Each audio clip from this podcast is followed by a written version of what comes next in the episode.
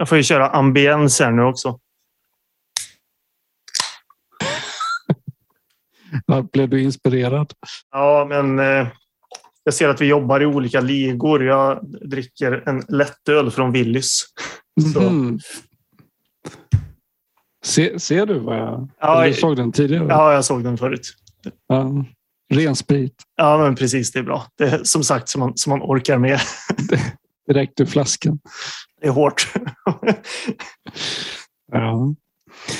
Förresten, jag, jag funderade på titel för, eh, för det avsnittet. Mm. Mitt förslag är att vi döper den till en försenad halloween. Ja, men det är jättebra för det, det, jag tycker det, det är något kul med. Jag pratade med min eh, med en kompis som bor här i Uppsala då, eh, som hade lyssnat på, på podden.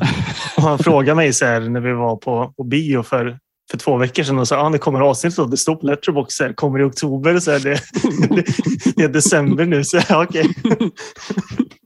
ja, men det, det är jättebra. Det är kul också att eh, liksom Mothman Prophecies typ en julfilm som man ändå landar rätt. Ja, precis. men, men eh, bara att vi är typ två månader senare. Men ja, ja, det är den som väntar på något gott så att säga. ja, precis. Jag tänker samma. Ja, men då kör vi på det. En försenad halloween.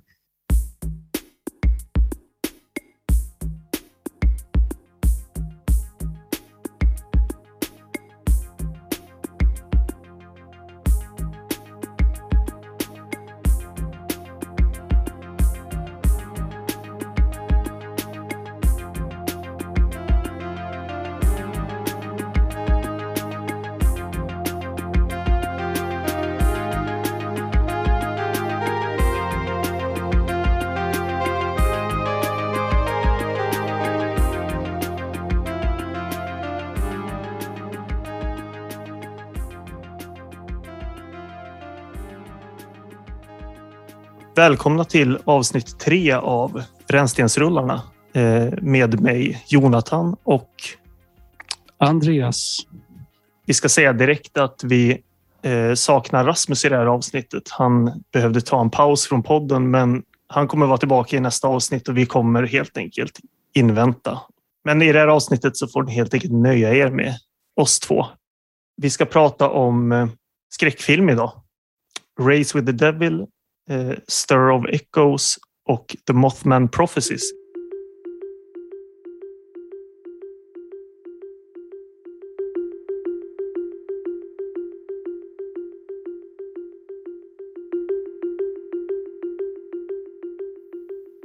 Den första filmen som vi ska prata om idag är eh, Race with the Devil. Eh, eller Djävulsrallyt som den heter på svenska inspelad 1975. Eh, och den har en eh, väldigt bra tagline på den svenska VHS-kassetten som är med djävulen i backspegeln brände de alla broar och en hel del gummi i en livsfarlig biljakt på den farligaste vägsträckan i USA. Och eh, den här filmen är regisserad av vem Jonathan? Jack Starrett heter han. Jag gissar att det eh, uttalas så. Han har egentligen inte gjort någonting som, som, man, som jag kände igen på rak arm. Det är lite så här Blaxploitation-rullar. Typ Cleopatra Jones och sånt där. Och så var det ett par westernfilmer, men det var, var egentligen inget jag hade någon koll på. Nej. Däremot så är det ju ganska stora skådisar i den här filmen. Ja, alltså det är lite det... lustigt faktiskt. Man, försöker, man undrar vad hur man, hur man lyckades med det. Ja. Eh, men i alla fall, jag ska läsa den här baksidestexten då på VHS-kassetten. Frank och Roger åker på semester med sina fruar i Franks nya husvagn. Men det blir inte den sköna semester de förväntat sig. Redan första kvällen råkar de ut för en egendomlig händelse. På avstånd ser de båda männen någon slags ceremoniell rit kring ett flammande bål. När de går närmare får de till sin fasa bevittna hur en ung flicka blir knivskuren till döds. Frank och Roger har sett något de inte borde se. De blir förföljda av mystiska främlingar och de råkar ut för den ena hemska händelsen efter den andra. Vad är det för människor som jagar dem? Har de. Har deras... har deras husvagnssemester förvandlats till ett rally mot själva djävulen. Alltså jag måste ju tillägga då att jag inte har läst den här texten innan så, så jag kan inte säga att den rullar av tungan. Nej, nej, nej. Men eh, enligt kritikerna då från Expressen och GP så är den gruvligt otäck och starka scener som ofta utstrålar en egendomlig hetta. Ja, den, den där fattar jag inte riktigt. Det, det lät som en sån här eh, direktöversättning, att de har tagit ett, ett citat från någon. Ja, just det. Så GP har översatt en, en amerikansk recension. Ja, det, av, det är ju konstigt att de skulle ha gjort det, men det, det är ett jättemärkligt citat. En egendomlig hetta. Vad menar de egentligen? Det, låter som någon slags här, eh, eh, garderobspyroman som ger sig till känna här över att de gillar eldsvådorna i filmen. Ja, jo, men precis. Det det är, det är märkligt alltså.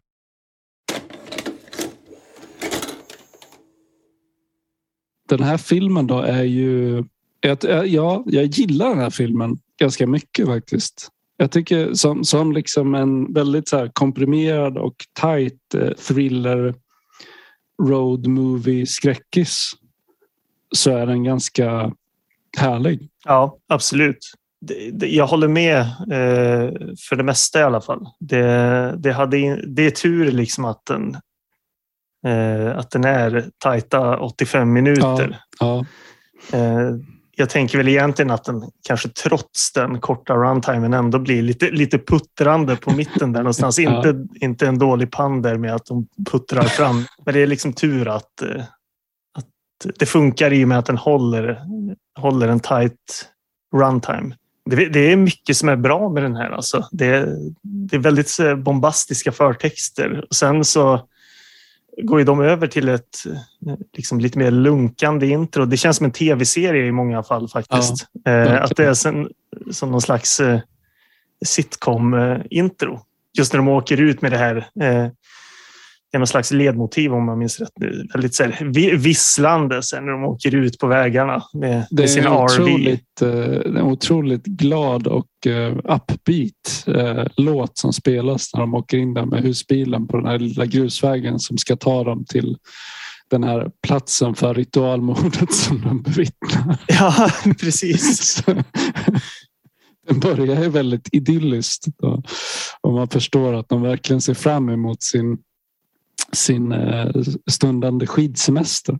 På så sätt så är det ju väldigt bra med den här eh, med det idylliska introt när man man ska väl inte gå händelserna i förväg, men just det blir en ganska snygg kontrast med den väldigt teatraliska djävulsskräcken. Det är inga Ja, det, det, är inte The Witch, Satan vi pratar om här, utan det är ju Nej. röda röda rockar och Church of Satan och Anton LaVey. Det är hela den grejen. Som, det, det är verkligen så här teatraliskt på ett mm. kul sätt. Som sagt, den här djävulsskräcken som var populär där kring, det var väl även innan det också med Rosemary's Baby, men mm. när man var inne på 70-talet där så det är ett barn av sin tid på så sätt. Den här typen av ja. filmer rent generellt sett med just den här, det här djävulsmotivet.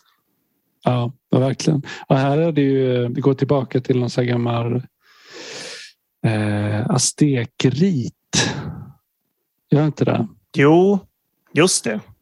En kommentar som jag har på den här filmen eh, kring hur man eh, ger utrymme för de manliga karaktärerna eh, i förhållande till de kvinnliga karaktärerna. För att alltså, på pappret så borde de kunna ta lika mycket plats. Både de manliga och de kvinnliga karaktärerna för att de är på den här husbilsemestern tillsammans och det är inte egentligen uppenbart att det är de manliga karaktärerna som ska vara huvudkaraktärerna. Så. Mm. Men eh, det, det, blir ju väldigt uppenbart så för att det är de som bevittnar där eh, mordet och eh, i alla scener därefter där det handlar om någon form av liksom utmaning som de ställs inför så är det hela tiden männen som som löser det. Liksom. De, eh, de klarar biffen. Så, medan kvinnorna står i bakgrunden och skriker för eh, fulla halsar. Och eh, det, det, det var det kopplingen då till det det här med aztekerna och det, det, det enda liksom aktiva som de här fruarna gör genom hela filmen eller som de ska säga, tillåts göra genom hela filmen är att det är de som tar initiativet att gå till biblioteket och låna mm, mm. Eh, en bok. Eller rätt, de snor en bok från biblioteket om ritualmord. Så det är de som liksom tar reda på bakgrunden till vad det här mordet kan ha handlat om. Liksom. Mm.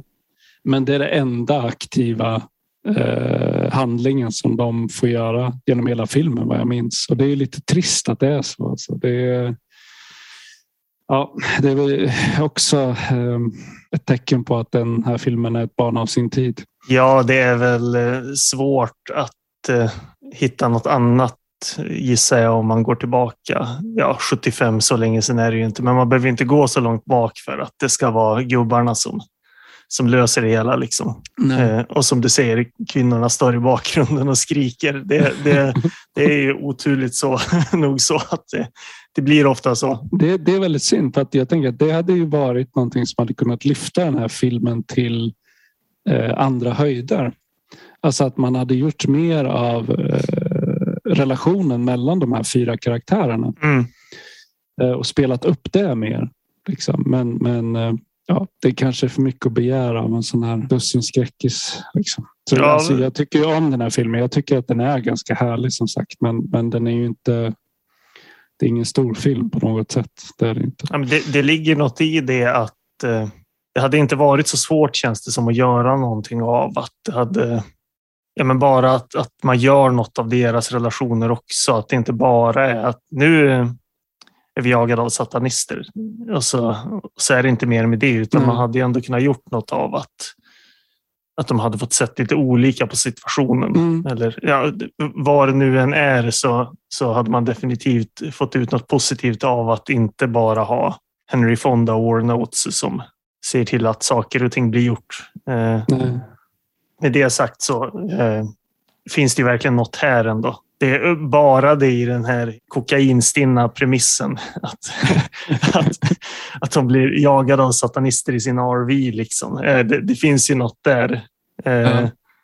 Jag gissar att de inte var helt nyktra, någon av dem, varken under inspelning eller när man utvecklade den här idén. Henry Fonda var väl... Peter, Peter Fonda. Peter Fonda? Henry Fonda? Jaha, vänta nu, är det farsan? Är det väl? Ja. För det är väl en skådespelarsläkt. Peter Fonda heter han ju såklart. Henry Fonda är väl den äldre av dem och sen har du Bridget Fonda och sen även Jane Fonda. Ja, Jane Fonda. Just det, för det är Bridget Fonda som är med i typ Jackie Brown och sing singles ah, och såna okay, filmer. Ja. ja. Jane Fonda gjorde ju såna här 80-tals uh, träningsvideos. Precis. Och har ju också, ska jag säga, spelat in filmer. Hon är väl med bland annat i den här eh, spelar ju mot sin pappa. Ja, är det inte den där som heter typ on Golden Pond eller någonting? Jo, precis. Precis, det är den. Ja, där är det väl Henry Fonda som är med. Ja, precis. Och den ska ju vara väldigt bra vad jag förstår. Jag har inte sett den. Men... nej, jag, tror att den vann, jag tror att den vann Oscar när den kom. Och så där. Det är väl 80 väl? Eller 81, jag kommer inte ihåg. Ah, Okej. Okay. Ja, hur som helst, det, det är Peter Fonda som är med i Race with the Devil, inte, inte, inte Fonda Senior. Liksom. Hela familjen Fonda. Ja, precis. Men eh, vad, vad som ändå verkligen funkar med, det här, med den här filmen också är att i och med att den ändå är så pass kort så man slösar inte så mycket tid på strunt. Liksom. Utan mm. det, det, är full rulle här. Och, och även om den tappar kanske lite mot mitten så tycker jag att man får ju ändå som den här poolscenen någon gång där framåt mm. mitten mm. så får man ju lite lite den här Rosemary's Baby-känslan av det hela. Mm. Liksom. Att det är, något, det är något skumt med, med överklassen och så där. Nu kommer jag inte ihåg om den mynnar ut i något eller om det bara är någon slags paranoia grej med det där. Alltså den mynnar ut i att eh, det blir mer och mer uppenbart att eh, hela den här eh, bygden eh, är eh, del av den här sekten. Mm. Liksom. För att de ställer ju upp olika typer av vägspärrar sen för att eh, hindra ja, dem från det, att komma vidare. De, bland annat får det att se ut som en skolbuss som har åkt i diket liksom, och att det är bärgningsbilar där. Så den här paranoian visar sig väl i slutändan vara befogad. Ja, alltså det tyckte jag verkligen om. Just, just slutscenen. Eh, ja, egentligen slutet i stort, men den här slutscenen, det, det finns något med att den bara slutar. Ja, jag håller med. Det, de tror att de är i säkerhet. Så pang, de är inte i säkerhet. Nej. Och så lägger man inte någon mer tid på det. Liksom. Nej. Utan man inser att nu är det kört och så slutar filmen då. Det finns något bra med det där som man ser Mm. oftare i äldre filmer, aldrig nu, liksom, att man bara slutar. Mm. Absolut. Nej, jag håller helt med. Jag tycker att slutet på filmen är en av de bästa sakerna med hela filmen. Mm. Jag tror att min helhetsbedömning av filmen hade varit eh, sämre om den hade haft ett mer konventionellt slut. Ja, verkligen. Samma för mig. Det, så där är det ofta att även om en film kanske är lite, alltså tappar fart på mitten och så, så kan det räcka med att, som i det här fallet, att man får ett väldigt snyggt slut eller en väldigt snygg slutsekvens eh, för att det ändå ska väga upp, speciellt med den här att den ändå håller nere, eh, håller nere längden också. Här finns det, det, det är verkligen värt att se. Mm. Var det några speciella scener som du minns? Det är egentligen eh, främst liksom poolscenen, för det är Ja. ändå där och sen egentligen det som kommer efter poolscenen också, för med tanke på längden så den är inte så lång, så när man väl har kommit dit så börjar ju filmen nästan runda av. För det är ju där, Mm. ja alltså, eh, det är ju främst där man får det faktiska djävulsracet eller djävulsrallyt. Det är där det går till att de blir liksom, att det blir en slags biljakt med Mm. att de blir jagade av de här satanisterna. Eh, Mm. Det är ju kul alltså. Det, det funkar ju verkligen. Det är ett kul grepp. När man kommer fram dit och man får hela slutsekvensen med eh, bilscenen och så där så, så håller den uppe väldigt mycket efter det. Mm. Eh, och innan dess så är det det är egentligen hela öppningssekvensen och sen har man en liten bit däremellan där det är mest någon slags karaktärsetablering som vi redan nu har varit inne på att det inte riktigt funkar i och med att man inte etablerar några karaktärer på så sätt. Nej, det känns ju som att man ägnar så eh, onödigt mycket tid åt eh, att, att presentera Peter Fonda och Warren Oates som eh, motocrossförare. Ja, just det. Ja, precis. Är det inte att de ska köra cross senare under filmen och att det är typ att det känns som att, att de vill åka cross bara som har skrivit in det så att de skulle få, kunna få köra sina motorcyklar. För det, är, alltså det är en lång sekvens där precis i början eh, där de är ute och eh, tävlingskör mot varandra. Och det slutar med att, att eh, Warren Oates då hamnar i en stor lerpöl liksom, och, och Peter Fonda skrattar åt honom. Men då har de kört i flera minuter. Det hade jag glömt bort. Åter, återkommer de där på något sätt för handlingen? Nej, och det, jag skulle komma till det för att det är det som är så intressant. För att genom hela filmen eftersom de hade en så, här, så, så pass stark fokus på de här eh, krossarna. Eh, och de pratar väldigt mycket om motocross och, och så vidare. Så tänkte jag, okej men det här eh, Race with the Devil anspelar ju på att de någon gång kommer att hoppa på krossarna och sen racea med dem Mm mot de här sektmedlemmarna på något sätt. Att, att krossarna kommer vara någon form av eh, vad heter det? Tjechovsk eh, pistol.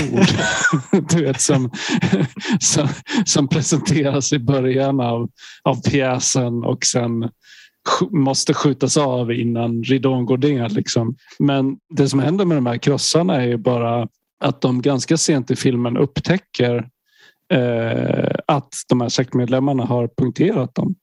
Och, och sen så, så blir de så här dumpade från husbilen och det blir ingenting mer med dem. De kanske insåg att om de ska köra cross så måste de, då får de skriva ut de två kvinnliga karaktärerna totalt. Och då kanske insåg att men det, då funkar det inte utan då får man köra med den här eh, husbilen. Ja, just det, de valde mellan krossarna och, och fruarna. Ja, det, det kanske är något sånt. Sen, men sen är det väl en ganska...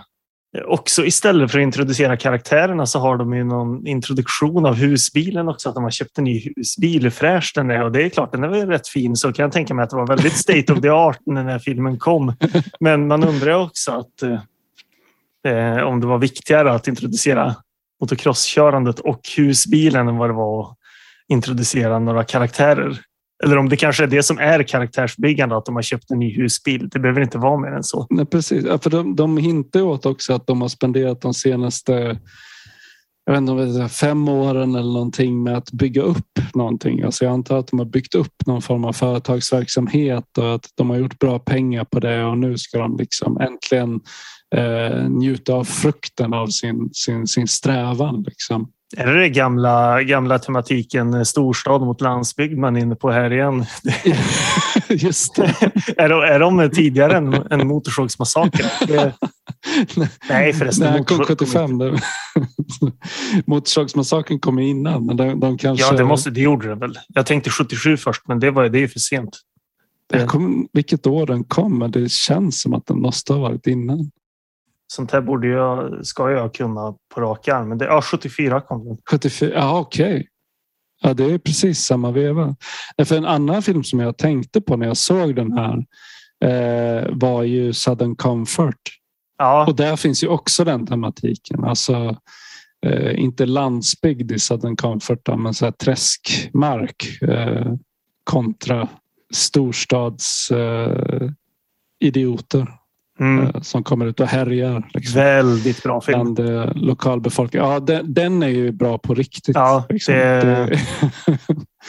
ja, men det är ju det här, det är ju det här greppet. Eh, är det Obiter Dictum som pratar om det där ofta eller är det eh, Intresseklubben antecknare? Hela det här greppet. Eh, liten grupp människor på, på eh, liksom eh, avlägsen plats möter fara. Typ. Det är något sånt Just där. det. Jag tror att om jag minns rätt och det här är nog eh, ganska långt tillbaka i Obiter Dictums podcastkatalog men att det är Billy Rimgard som säger att det är en av hans, det är hans favoritgenre. Ja, men just det. Eh. Det, det stämmer. Vad var det du sa Jonathan? Du, jag, för jag tror att du parafraserade det ganska bra. Ja, men det är något sånt där liksom liten grupp eh, på, på avlägsen plats möter fara eller något sånt där. Det, det, det är alltså samma sak som i The Thing och så. Ja, det, det, det, funkar ju väldigt bra, alltid nästan. Det är något otäckt med det där. Eh, och det, det, funkar här också i, i, Race with the Devil. Ja, och det hade funkat ännu bättre om man hade fattat att eh, den typen av berättelse också tjänar så otroligt mycket på att man bygger relationen mellan karaktärerna. Ja, precis. Det görs i Southern Comfort och det görs i The Thing. Alltså att det är karaktärerna och deras relation till varandra som, som skapar det mesta av spänningen. Liksom. Det är det som gör att det blir otäckt. Eh, när liksom det familjära blir invaderat av, av en, ett hot eller en fara eller så. Det hade ju funkat betydligt bättre här också. Som du säger, om man hade fått karaktärer som man bryr sig om. Att de ska klara sig. Det, det finns ju här också, men inte på samma sätt. Nej, det är inte lika väl realiserat. Det är det inte. Men det, det, är nog intressant ändå skulle jag säga. Ja, absolut. Utan tvekan. Det, det, det här tycker jag ändå att man ska se. Eh, men man kanske inte ska Eh, man kanske inte ska förvänta sig att den är gruvligt otäckt om man ska citera Expressen. Nej, Nej. eller att den lämnar eh, några djupare intryck så, men det är ändå en, en ganska härlig eh, thriller-skräckis från 70-talet. Verkligen. Snygg poster också. Vi, vi kan väl avsluta med bara att det, Eh, ja, att man inte ska undvika den. Liksom. Det, det, är en kul, det är en kul film. Den är värd att se. Ja, men den är värd att se. vänta er inga stordåd. Nej, precis.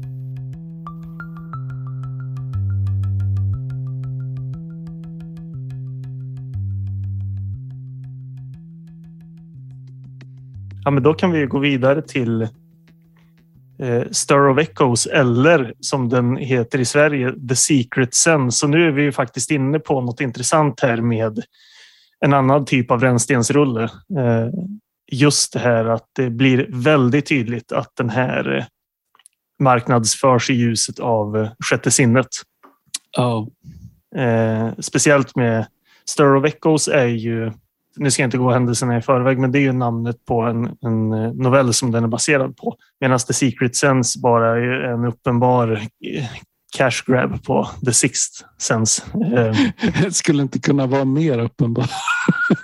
Nej, det, det är liksom... Alltså, även om filmen på sätt och vis har alltså, vissa drag som påminner om Sjätte sinnet så är det ju väldigt mycket som skiljer dem åt också. Absolut. Absolut. Eh, kom, kom Sjätte sinnet 99 också? Ja, det gjorde den. Oj, otroligt att man bara totalt liksom, nej men nu, nu hoppas vi att någon hyr fel film här.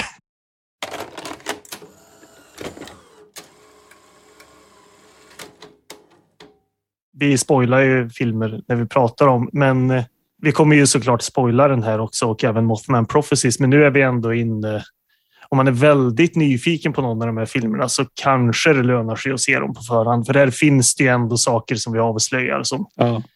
Eh, Det finns spoilers helt enkelt som har någon slags bäring på handlingen. Mm. Även i, i Mothman Prophecies. Ja, precis. Så är man väldigt nyfiken på den här eller Mothman Prophecies så tycker jag att man kan i alla fall definitivt ska se Mothman Prophecies innan man lyssnar på att vi pratar om den. Mm.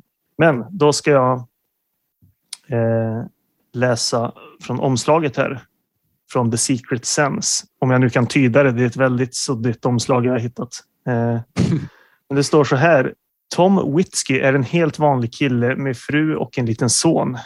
Men när han på en fest och sina grannar blir hypnotiserad eh, förändras hans liv radikalt. Hypnosen har framkallat omedvetna krafter hos Tom som ger honom huvudvärk och gör att han kan se fruktansvärda syner. Han blir besatt av tanken på att det finns en varelse i hans hus och att hans familj hotas av en osynlig fara. Vad är det som framkallar dessa syner och tankar? Tom måste få reda på svaret, kosta vad det kosta vill. Den här är ju då regisserad av mannen med efternamnet som vi pratade om i förra avsnittet. Mm. Jag kollar upp det här och minns jag rätt nu så är det Coep man säger. Inte Cup.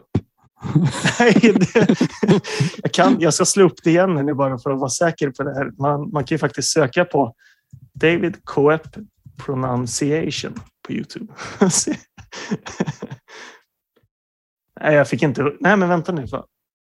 Här finns det en hemsida faktiskt. Vi ska se här vad. Nej, här sa de Kep. Men Herregud, då ska vi se. Vi får, vi får göra så här. då. Translate. Ja, Google Translate säger David Cope. Så vi får helt enkelt bestämma oss för Ja, jag, ty- jag, tycker vi håller på, jag tycker vi håller på Cup. ja, kanske göra det. Vi är double down här. Ja, men precis. Man får, man får David hålla Cup. hårt vid sin... Eh, ja, hur som helst, David Cup. Cup. Eh, han har ju skrivit massa grejer. Eh, alltså Jurassic Park och Mission Impossible, Panic Room. Det, eh, han är ju eh, screenwriter helt enkelt. Har skrivit massa kända grejer som alla känner igen. Eh, men han har ju också regisserat lite filmer det här är en av dem. Stir of Echoes som den heter eh, i ursprung då är en eh, novell skriven av Richard Matheson som också är ett väldigt, en väldigt namnkunnig eh, författare och manusförfattare. Han har ju skrivit jättemycket till Twilight Zone, men framför allt novellen I am Legend som jag tror att de allra flesta känner igen också. Men han eh, är ju, har skrivit jättemycket kända eh, sci-fi berättelser framför allt. I am Legend är ju ännu ett exempel på en film som inte alls är lika bra som sin litterära förlaga. Jag har läst novellen faktiskt. Jag har sett filmen också, men det var jättelänge sedan. Mm. Men jag minns att, att i alla fall novellen var väldigt bra. Jättebra, som jag kommer ihåg den också. Och eh, filmen har sina... Vad heter det?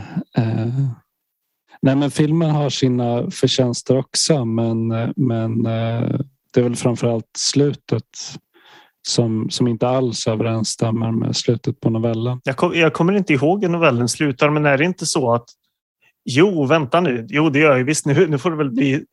Ja, om vi inte klipper bort det här. Annars är det ju spoiler warning för I am legend. är det inte så att det visar sig att ja, men det är de som är rädda för honom Precis. och inte tvärtom? Ja, just det. Precis. Ja, ja men det, just det, det, för, det förlorar man ju helt. Är det inte någon sån här hjältedöd? Will Smith dör i slutet liksom. Jo, och sen är det ju något med att den här eh, kvinnan och den lilla flickan, om jag minns rätt, som man träffar han eh, offrar sig för att de ska kunna fly och liksom eventuellt ta sig till eh, något ställe där det ska finnas andra människor eh, fortfarande. Eh, medan eh, den här eh, kortromanen då, eller novellen, titeln avslöjar ju bokens tema. Mm. Men det får man inte reda på förrän på de allra sista sidorna. Det handlar om att han inser att det är han som är en legend. Han har blivit en myt och därmed så har liksom människan som varelse blivit mytologiserad av den här nya överlägsna eh, rasen liksom, som har eh, övertagit jorden. Då. Snyggt. Ja, det är verkligen. Och, och om man inte har med det så förlorar ju hela berättelsen sin poäng. Liksom. Ja, men precis. Men det funkar väl inte. Det var väl för mörkt, tänker jag. Ja. Eh, vad som också ska nämnas det är att Andrew Kevin Walker som skrev Seven tydligen var inne och petade i manuset på Stir Echoes också. Jag gissar mm. att han var inne och petade i varenda manus som hade någon slags eh, feeling som Seven vid det här laget. Om jag får gissa. Alltså hand, hand på läggning. Precis. Så jag tror att han av någon anledning inte fick ha sin namn med. Men det, han höll väl på mycket med sån här script doctoring som, som vissa gör. Men i alla fall. Den är intressant den här filmen för den här det här är ju också verkligen ett barn av sin tid sett i stil. Ja. Det är ju det som eh, ibland jag har sett brukar kallas eh, nu metal-skräck. Liksom.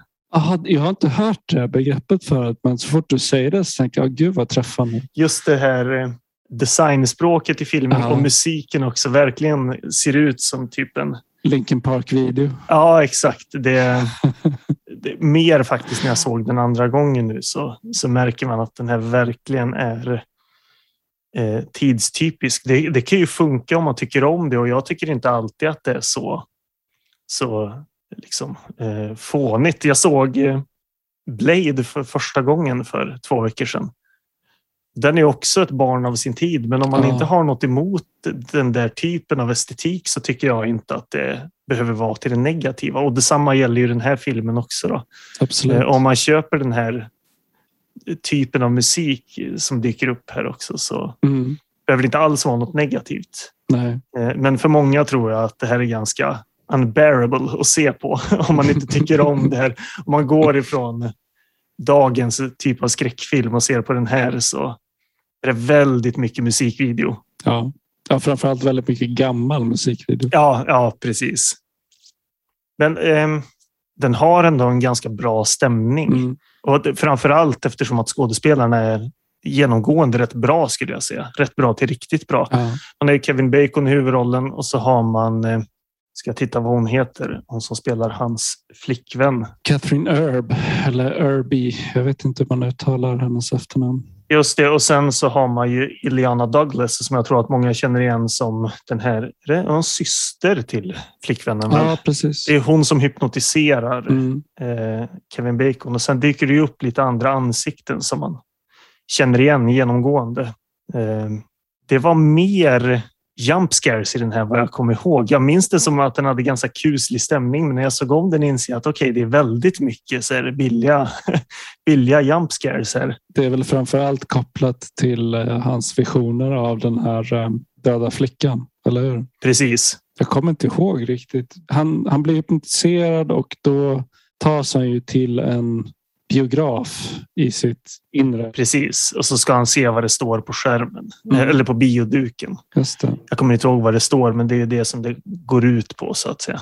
Eh, och så sitter ju den här döda flickan i biosalongen och så vänder hon sig om och så smäller det till. Ja, som en, en jump scare brukar göra. Eh, det är ganska mycket sånt. Eh, jag tycker att rent generellt sett att den här filmen hålls uppe av ändå att det är bra skådespelarinsatser. Mm.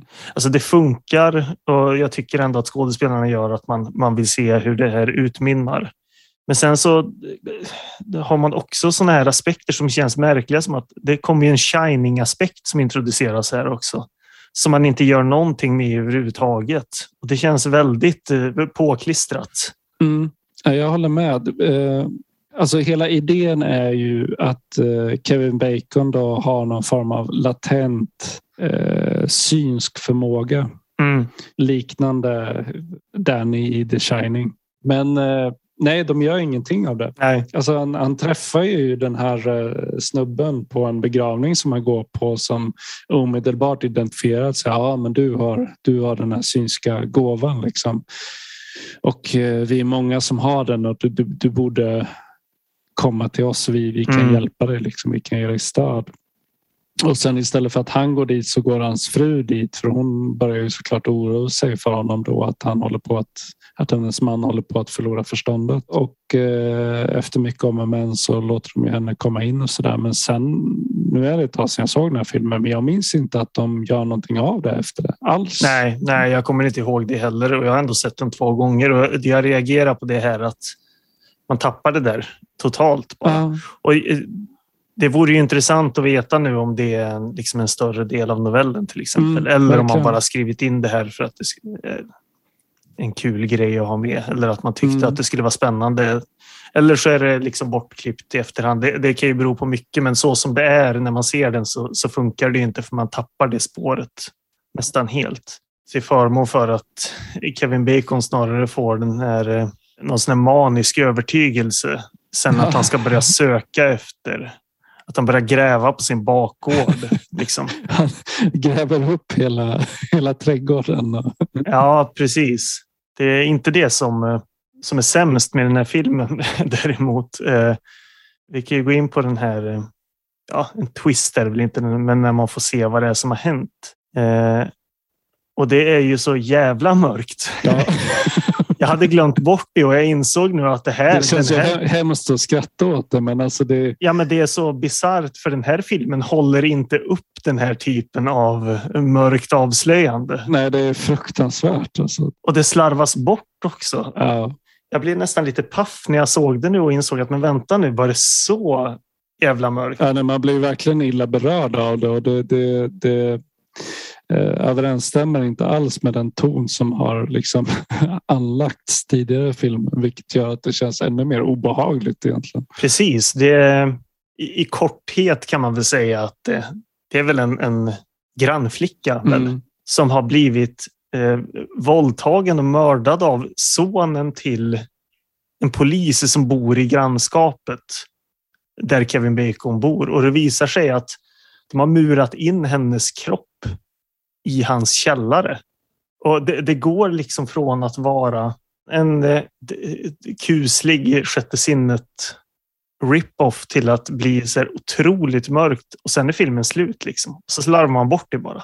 Och så blir det någon sån här slö eh, 90-tals poplåt i eftertexterna liksom, och så är det bara slut och man blir så här, okej. Okay, alltså jag är inte den som menar på att man inte ska ta upp mörka grejer i film. Det är tvärtom, men när man slarvar bort det på, så här, på ett sånt här sätt så blir det bara märkligt. Ja, det blir ju som att, att uh, det bara används som en form av shock value när det egentligen är någonting som är väldigt så här hemskt och uh, ett avslöjande som skulle förtjäna en mer uh, respektfull behandling. Ja, alltså det, det, om inte annat bara att man gjorde något mer överhuvudtaget snarare än att man bara, ja, oj vad mörkt det var. Liksom. Sen är filmen slut. Ja, nej, det, det hade jag glömt bort och det, det, blev jag överraskad av. Att de verkligen tog det så långt. Jag håller med dig. Alltså bara en kort stund innan när Kevin Bacon var ute och grävde upp hela sin trädgård så satt ju jag liksom småskrattade för mig själv för att det enda jag, jag, jag associerade till var Kaminmannen ifrån Percy Tårar. Om du har sett den sketchen? Nej, jag har inte gjort det. Johan Reborg spelar liksom en familjefar som eh, installerar en eh, öppen spis eller en, en kamin i eh, sitt hus och sen successivt så blir han mer och mer besatt av att elda i den här kaminen. Mm. Och det resulterar i att han, liksom, han börjar elda upp allt. Han eldar upp alla möbler. Han, han liksom rycker plankor från golvet, eldar upp dem. Han går upp mitt i natten så här och, och eldar. Hans fru liksom märker att, att sängen är tom bredvid när hon går ner. Då sitter han och eldar i kaminen. hela sketchen slutar med att hon lämnar honom tillsammans med barnen. De ska åka och bo med hennes föräldrar. Hon liksom separerar från honom. Och den sista scenen som jag minns rätt är att han så plockar upp eh, brevlådan efter att han har stått och vinkat av dem. Och så går han in i, i huset. Det finns inga väggar kvar. Det är liksom bara en bara en tom dörr kvar. Och så går han in med den här brevlådan för att elda upp det lilla sista som återstår av deras gamla hem. Liksom. Det var det enda jag tänkte på när Kevin, Kevin Bacon grävde upp hela sin trädgård. Och så, ja, det här är precis som Kaminmannen i Persetora. Och sen så får man den här smällen av... och sen det här avslöjandet. Och så, fan, ja, det här känns inget bra. Nej, det, det, det, var det jag tog med mig allra mest mm. den här gången faktiskt. De håller inte upp den typen av avslöjande. Nej. Det känns väldigt abrupt för att filmen sen bara ska sluta. Mm. Men vad som däremot ska sägas då eh, är ju att den har ändå en, en eh, känsla liksom som jag tycker om. Det, det är något med det här sent 90-tal eh, känslan som, som det verkligen finns något i. Och tycker man om det så är den här definitivt värd att se trots det här lite märkliga avslöjandet och eh, sättet man behandlar det på. Mm. Men det, det, finns ändå någonting här som är väldigt härligt. Ja, och Kevin Bacon är ju alltså, han är bra i allting som jag har sett honom i. Jag tänker att det, det, är en annan del i varför den här filmen ändå är värd att se. Att det är bra skådespelare och framför allt Kevin Bacon. Ja, men verkligen som huvudrollsinnehavaren att han, han gör en väldigt bra roll som han alltid gör. Precis. Och som sagt, det är kul biskådespelare också, eller biroller. Eh, de är väl lite underutnyttjade ofta, men eh, det finns verkligen nog mycket här så att det definitivt ska vara värt att se. Ja. Eh, om man bara vet med sig att man tycker om den här estetiken. Och det, alltså, den har ju en kuslig stämning också. Om man bortser från lite trötta jumpscares så finns det ju en, en kuslig stämning som är genomgående. Nej, men alltså det är sevärd. Men, men eh, inte mer egentligen. Nej.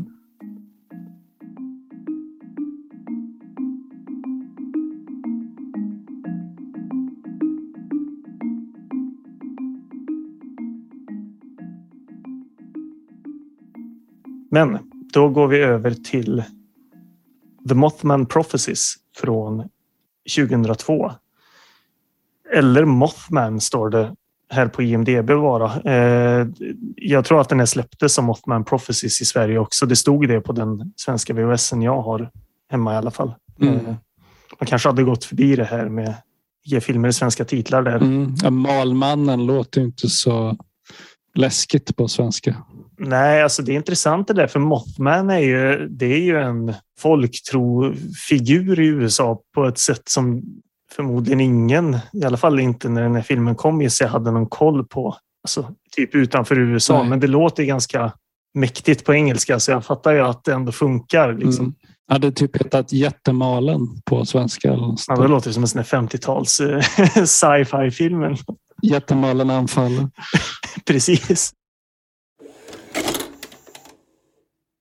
Jag ska läsa här eh, från baksidan så ska vi gå igenom lite namn sen också. Eh, så här står det då. Eh, efter att ha tittat på sitt drömhus och drömhus står i situationstecken. Jag vet inte varför. vad, vad, menar de med det?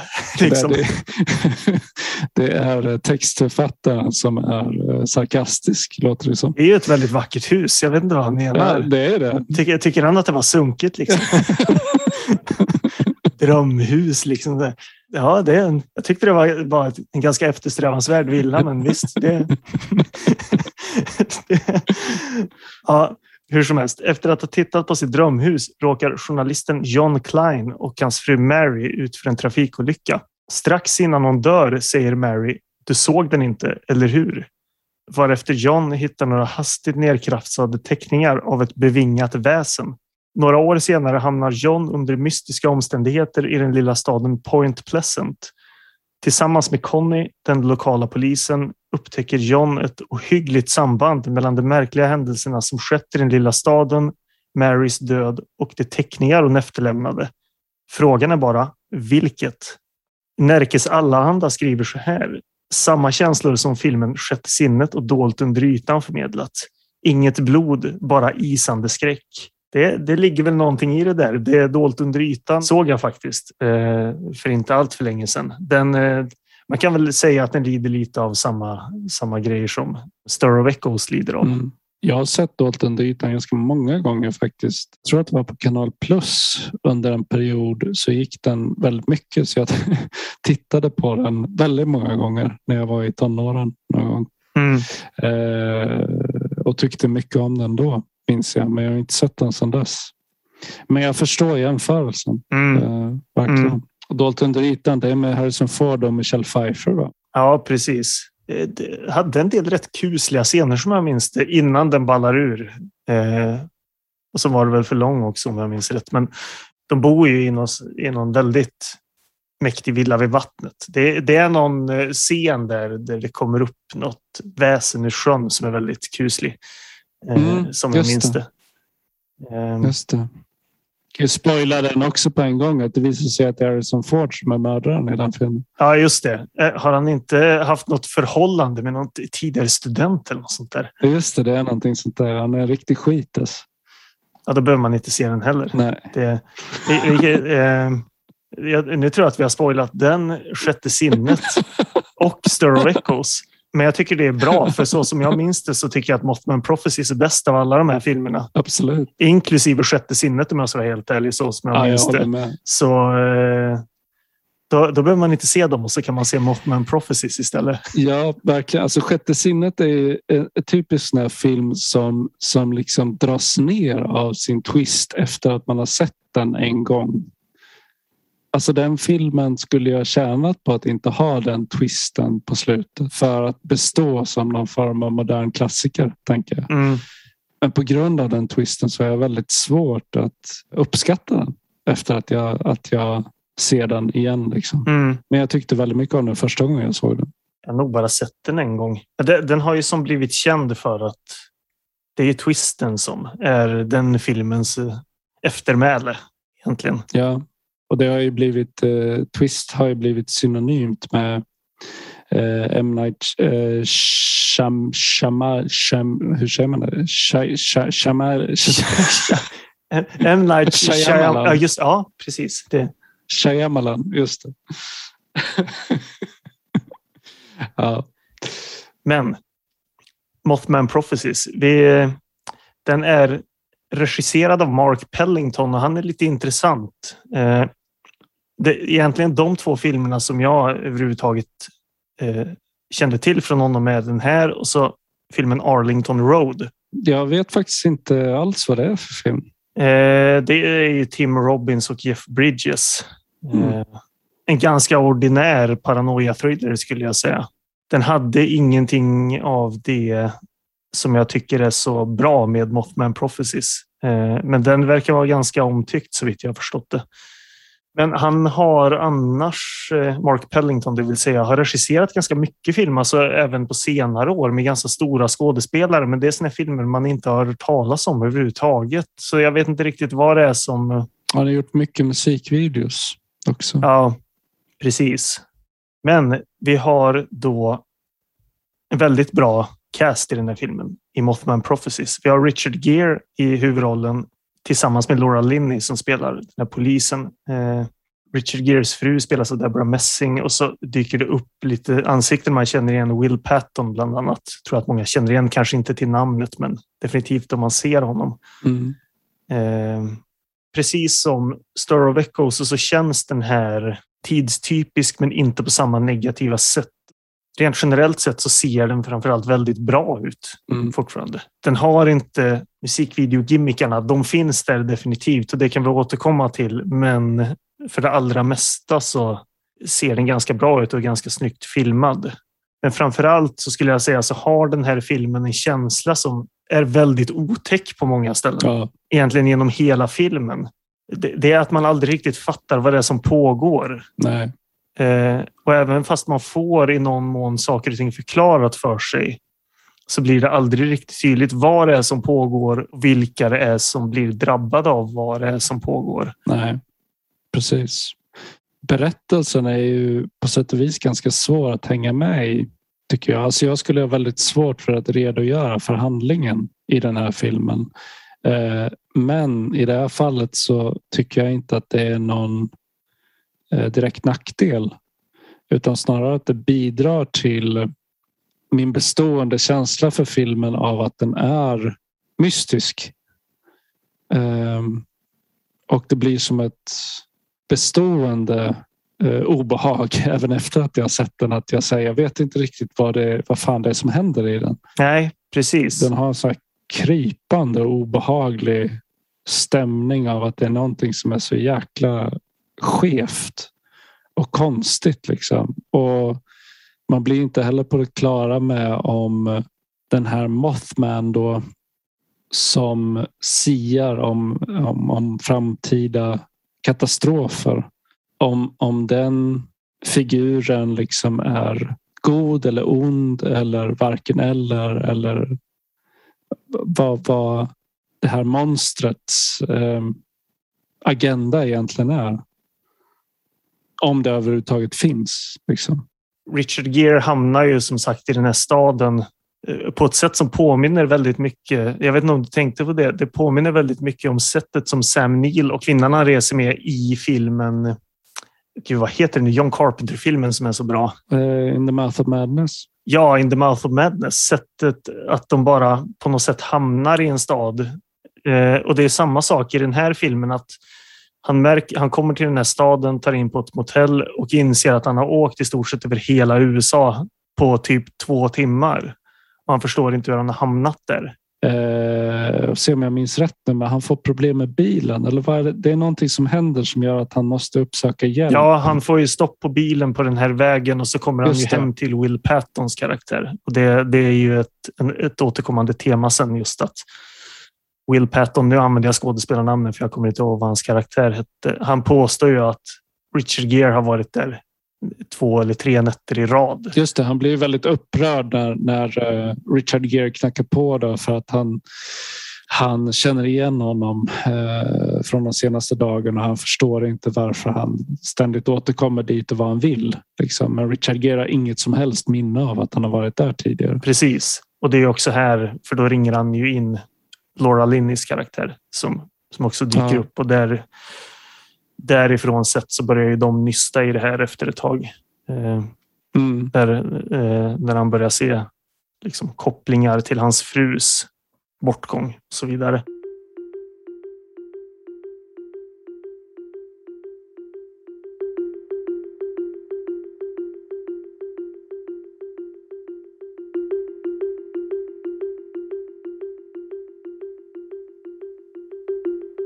Jag köpte den här filmen och hade den hemma i flera år och såg den aldrig. Och en av anledningarna till det var att jag såg trailern och det framstod som att det skulle vara mycket kackig CGI, mycket dåliga effekter och man får en väldigt skev bild av vad den här filmen är och vad den gör bra. När det i själva verket är väldigt lite sånt kan man ju säga.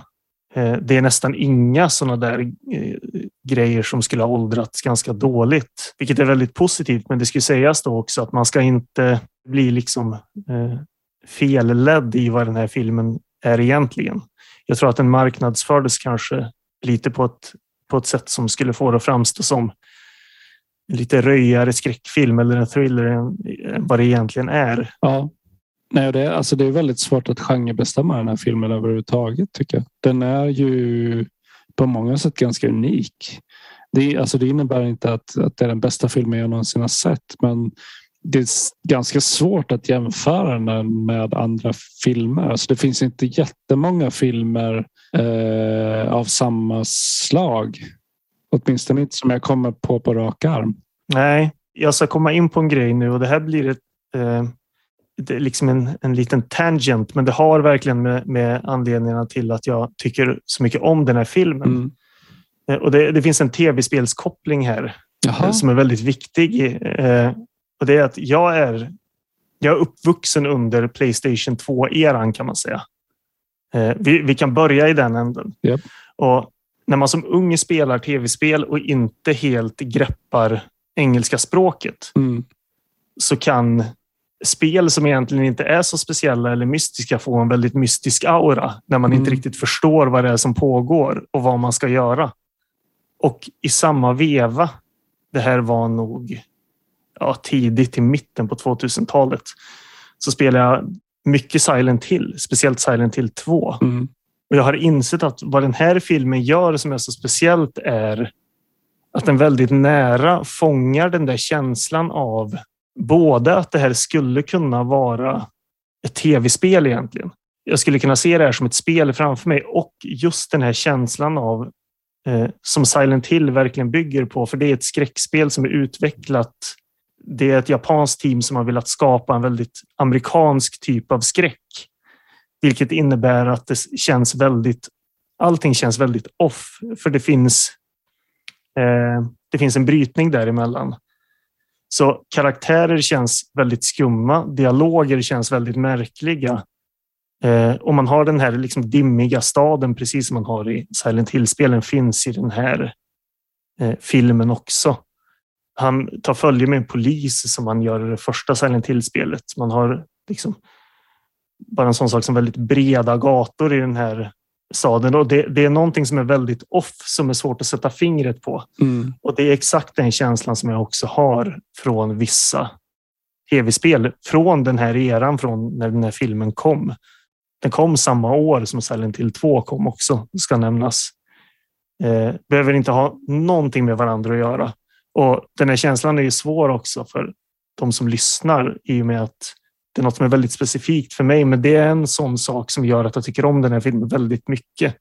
I och med att den fångar en känsla som jag egentligen inte har hittat eh, eh, någon annanstans. Nej.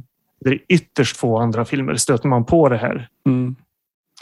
Ja, men jag förstår precis vad du menar. Det finns ju en, en väldigt stark koppling i det här med att Silent Hill 2 också handlar om en en slags sorgarbete av en, en liksom make som har förlorat sin hustru och mm. eh, hamnat i någon form av, av um, stadie av förvirring kring det. Så är det med Richard Gere i den här karaktären också. Att han, han eh, under en ganska stor del av filmen så, så blir han som en otillförlitlig eh, hjälte för man vet inte om det han ser, upplever och hör faktiskt är på riktigt eller om det bara är i hans huvud.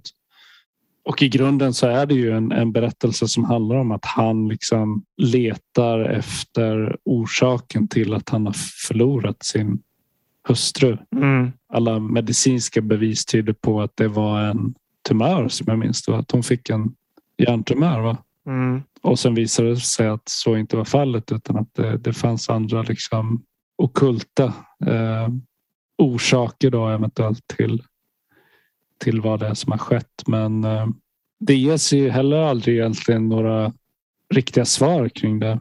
Nej, det är hyfsat tidigt i filmen så har man ju scener. De pratar med en kvinna som påstår sig ha sett den här figuren det är en av de kusligaste scenerna i hela filmen när hon beskriver att hon har sett den här figuren utanför, eh, eller ja, egentligen två röda ögon framför allt, som har, har tittat in på henne och man får ju se en flashback då, men, men bara egentligen att man har filmat henne när hon tittar ut.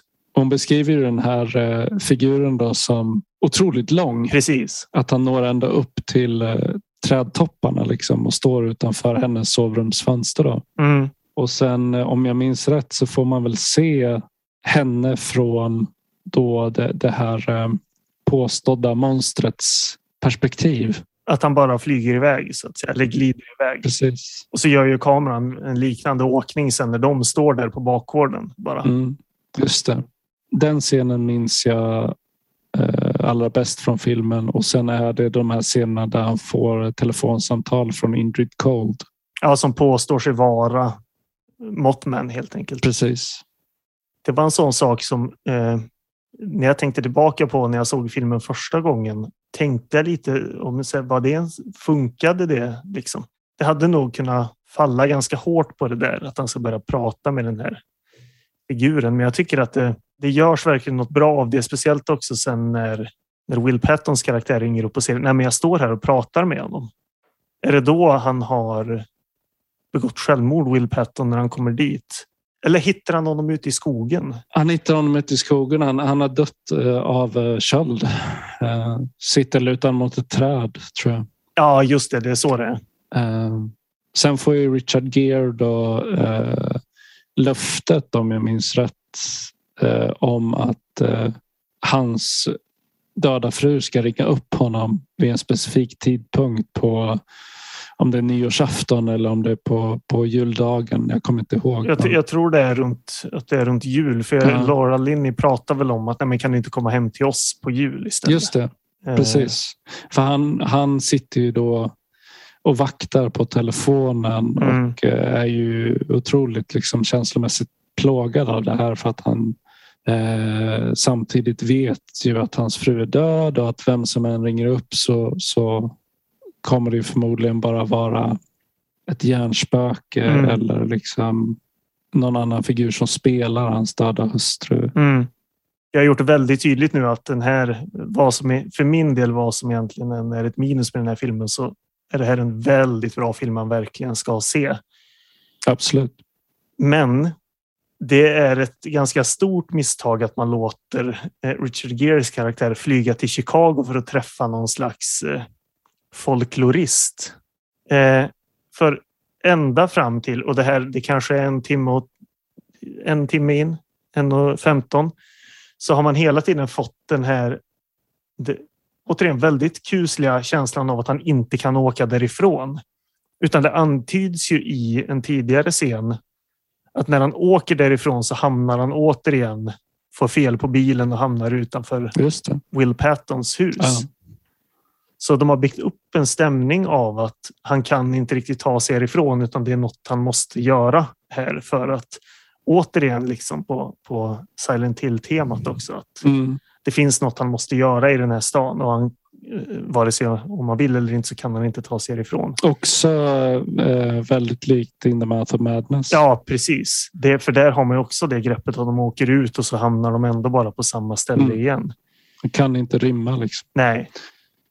Men här får han helt plötsligt flyga till Chicago för att prata med någon snubbe som har koll på Mothman. Han har skrivit böcker om den här typen av grejer. Mm. Det är någon, någon, slags folklorist eller någon kille som har skrivit böcker om övernaturliga väsen. Eh, och sen så får han inte ens träffa honom, vilket gör hela resan inte relevant. Men sen åker han tillbaka en gång till. Mm. Och även när han får träffa den här personen så gör man egentligen inte riktigt något med det för sen kommer Nej. han tillbaka till Point Pleasant då. Och man återgår liksom till det som ändå gjorde filmen och gör filmen så bra. Vilket gör att de här små avstickarna känns väldigt onödiga. Absolut. Nej, jag är helt med på det. Jag hade inte tänkt på det tidigare men nu när du säger det så, så är det väldigt uppenbart. Så jag... jag tror att det, det, är väl kanske inte så illa för, för om man skulle se den här filmen första gången. Nej. Man kanske inte plockar upp den här känslan heller av att, att han inte riktigt kan lämna staden. Nej. Men ja, för mig i alla fall så kändes det ganska onödigt. Speciellt i och med att man får ändå aldrig någon riktig förklaring till vad det är som händer och det är det som är filmens fördel. Mm. Att man lämnas med att man inte vet vad det är som har skett riktigt. Ja, Ja. Den här filmen är också baserad på en eh, roman från början. Precis. Av John A. Keel. Så jag tänker att det där kanske är ett större spår i boken. Eh, och att man eh, då inte har velat plocka bort det helt och hållet. Men som filmmanus så hade det ju definitivt blivit bättre om man bara hade tagit bort det helt och hållet. Om man tittar på så här runtime för den här filmen så är den ju typ två timmar och det hade inte gjort någonting alls man hade bara skurit bort en kvart eller 20 minuter eller vad det, det rör sig nog inte ens mer än om en, om en kvart på det stora hela. Nej. Så hade man tagit bort det så hade man liksom inte förlorat någonting. Nej. Utöver kanske att de nämner ett namn någon gång man inte känner igen, men mer än så mm. är, rör det sig faktiskt inte om. Eh, och på så sätt så kan man ju säga också att om man bara tänker bort de här bitarna så har det ingen påverkan på filmen i stort heller. Nej. Det är mer att de blev ganska tydliga för mig den här gången. Förutom att den kanske blir bättre. Ja, ja bättre. precis. Det ska sägas. Man får göra någon sån här fan-edit av den här filmen och bara kapa de bitarna.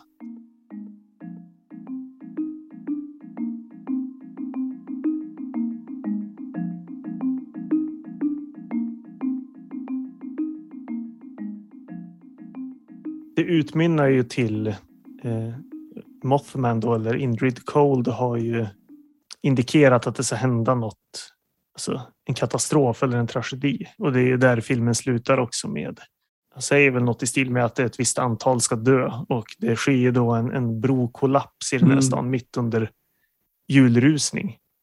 När jag tänkte tillbaka på den efter jag hade sett den första gången tänkte jag var det ett lite väl bombastiskt slut men jag ty- tycker ändå att det, det funkar ändå. Även fast man kanske hade det, något lite mer lågmält hade inte varit negativt men, men det här det, det flyger så att säga. Mm. Ja, men det tycker jag. Speciellt eftersom att filmen ändå plockar upp lite den här olustkänslan i slutscenen också. Att de slutar på ett mysterium som de inte riktigt förstår. Mm. Men jag tänkte lite ibland på om man istället skulle ha liksom, slutat filmen på att men Richard Gere blir fast i den här staden och man vet inte riktigt varför. Eh, något i den stilen. Mm. Ja, absolut. Det här är ju definitivt den bästa filmen av de här tre filmerna som vi har pratat om ikväll. Ja, utan tvekan. Det var, det var väl egentligen den filmen också som eh, vi byggde ett avsnitt runt för att kunna prata om. Ja, ni ursäkta att prata om den här filmen. Jo, men precis. Ja, men det är det som är så kul för det här. Jag hittade den här filmen på, men, på fem kronors VHS. Liksom. Mm. Eh, Jag minns det däremot som att det var lite snack om den här när den kom. Mm. Det var en sån här film man såg i videobutiken när man skulle hyra film och så. Men eh, jag har i alla fall fått intrycket av att det är en sån man hittar i liksom DVD-backen på Myrorna för en femma. Ja, det är väldigt sällan man hör någon nämna den här filmen idag. Nej, och det är det som är så synd. Ja, Det, det är synd. Eh, jag får ju också så starka Arkivex-vibbar när jag ser den. Eh, Det är min gamla favoritserie. jag, jag kan tänka mig det. Alltså, jag har inte sett Arkiv X, men, men jag gissar att det finns mycket likheter där. Ja, ja. De, de bästa avsnitten av X-Files eh, eh, påminner ju väldigt mycket om den här filmen stämningsmässigt skulle jag säga. Mm. Sen var ju den serien väldigt eh, alltså, höga toppar och djupa dalar. Eh, det var ju också väldigt många säsonger men, men när den var bra så var den riktigt, riktigt jävla bra. Mm, mm. Jag skulle väl säga så att eh, det, det positiva med den här filmen väger så pass tungt att de negativa bitarna inte märks av helt enkelt. Men det är ganska lätt att överseende med dem för min del i alla fall. Eh, Ja. Sett till hur positivt allt det andra är och det är framför allt den här väldigt olustiga känslan som finns med i hela filmen som man inte man hittar inte den på så många ställen och att den finns här tycker jag gör att man verkligen ska eh, ta vara på och se den här filmen. Absolut. Den finns att se både här och där ska också tilläggas. Så det, det finns inget som stoppar den.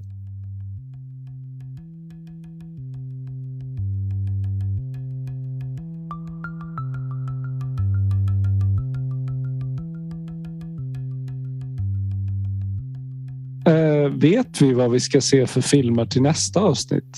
Eh, avsnittet som vi för närvarande inte riktigt vet när det kommer att släppas. Har vi spikat filmer till det avsnittet? Nej, jag tror Nej. inte det. Vi har ju lite idéer flytande. Det, det blir väl en, en överraskning kanske, helt enkelt. Det låter bra. Får se om det kanske blir lite nyare grejer. Ja, och kanske lite färre gubbar. Ja, men det, det ligger i linje med den idén jag har som, som vi kan ta sen. Så det, det blir mindre gubbar och kanske lite nyare filmer också. Jag tänker att vi ska försöka eh, bredda begreppet rännstensrulle lite. Så det blir något åt det hållet och så får ni helt enkelt hålla utkik eh, tills dess. Vi håller alla våra fem lyssnare på halster. Precis, det är, men de är, det är tappra lyssnare som väntar brorsan och så där. Det, det, ja, men de, de hänger i. Det är viktigt. Det är bra. Det är bra. Vi är tacksamma för alla som lyssnar. Det är kul. Absolut. Eh, vi finns ju på Letterboxd. Ja, man kan väl söka på Randstensrullarna. Och så dyker vi upp under Members. Vi finns på Instagram under Randstensrullarna också. Eh, återigen en sida som jag ska försöka bli lite mer aktiv på. Men det sa jag förra gången också. Det, vi, vi finns där i alla fall och det dyker upp lite inlägg då och då. Ja, Eh, det är tanken som räknas. Exakt. Det, Sen så kan man mejla på randstensrullarna.gmail.com också. Och vill man lyssna på podcasten så har man uppenbarligen hittat oss i det här laget. Men det finns på Spotify och Acast, Google Podcasts och så vidare. Mm. Jag, jag får lust att säga att vi finns där film finns. Men det är inte sant. Nej, men det är en snygg sägning. Ja. det kan bli vår nya obegripliga slogan. Varför inte? Det är snyggt. Finns det film finns. Det finns där film finns. Ja, ja men det är bra. Ja. Tack för idag. Tack för idag. Så. Ja, nej, men det är bra. Det betyder, låter det... det... betyder absolut ingenting. Vi finns där. Nej, men finns. det är ju en kul sägning. Film, det, finns det film, det finns. Var, var, vart då liksom? och, och det, vad som också är kul är att det finns ju inte där film finns. Nej.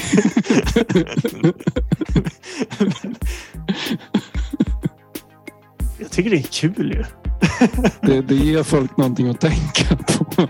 Ja, men precis. Vad, vad menar de egentligen? Vad då finns det film finns?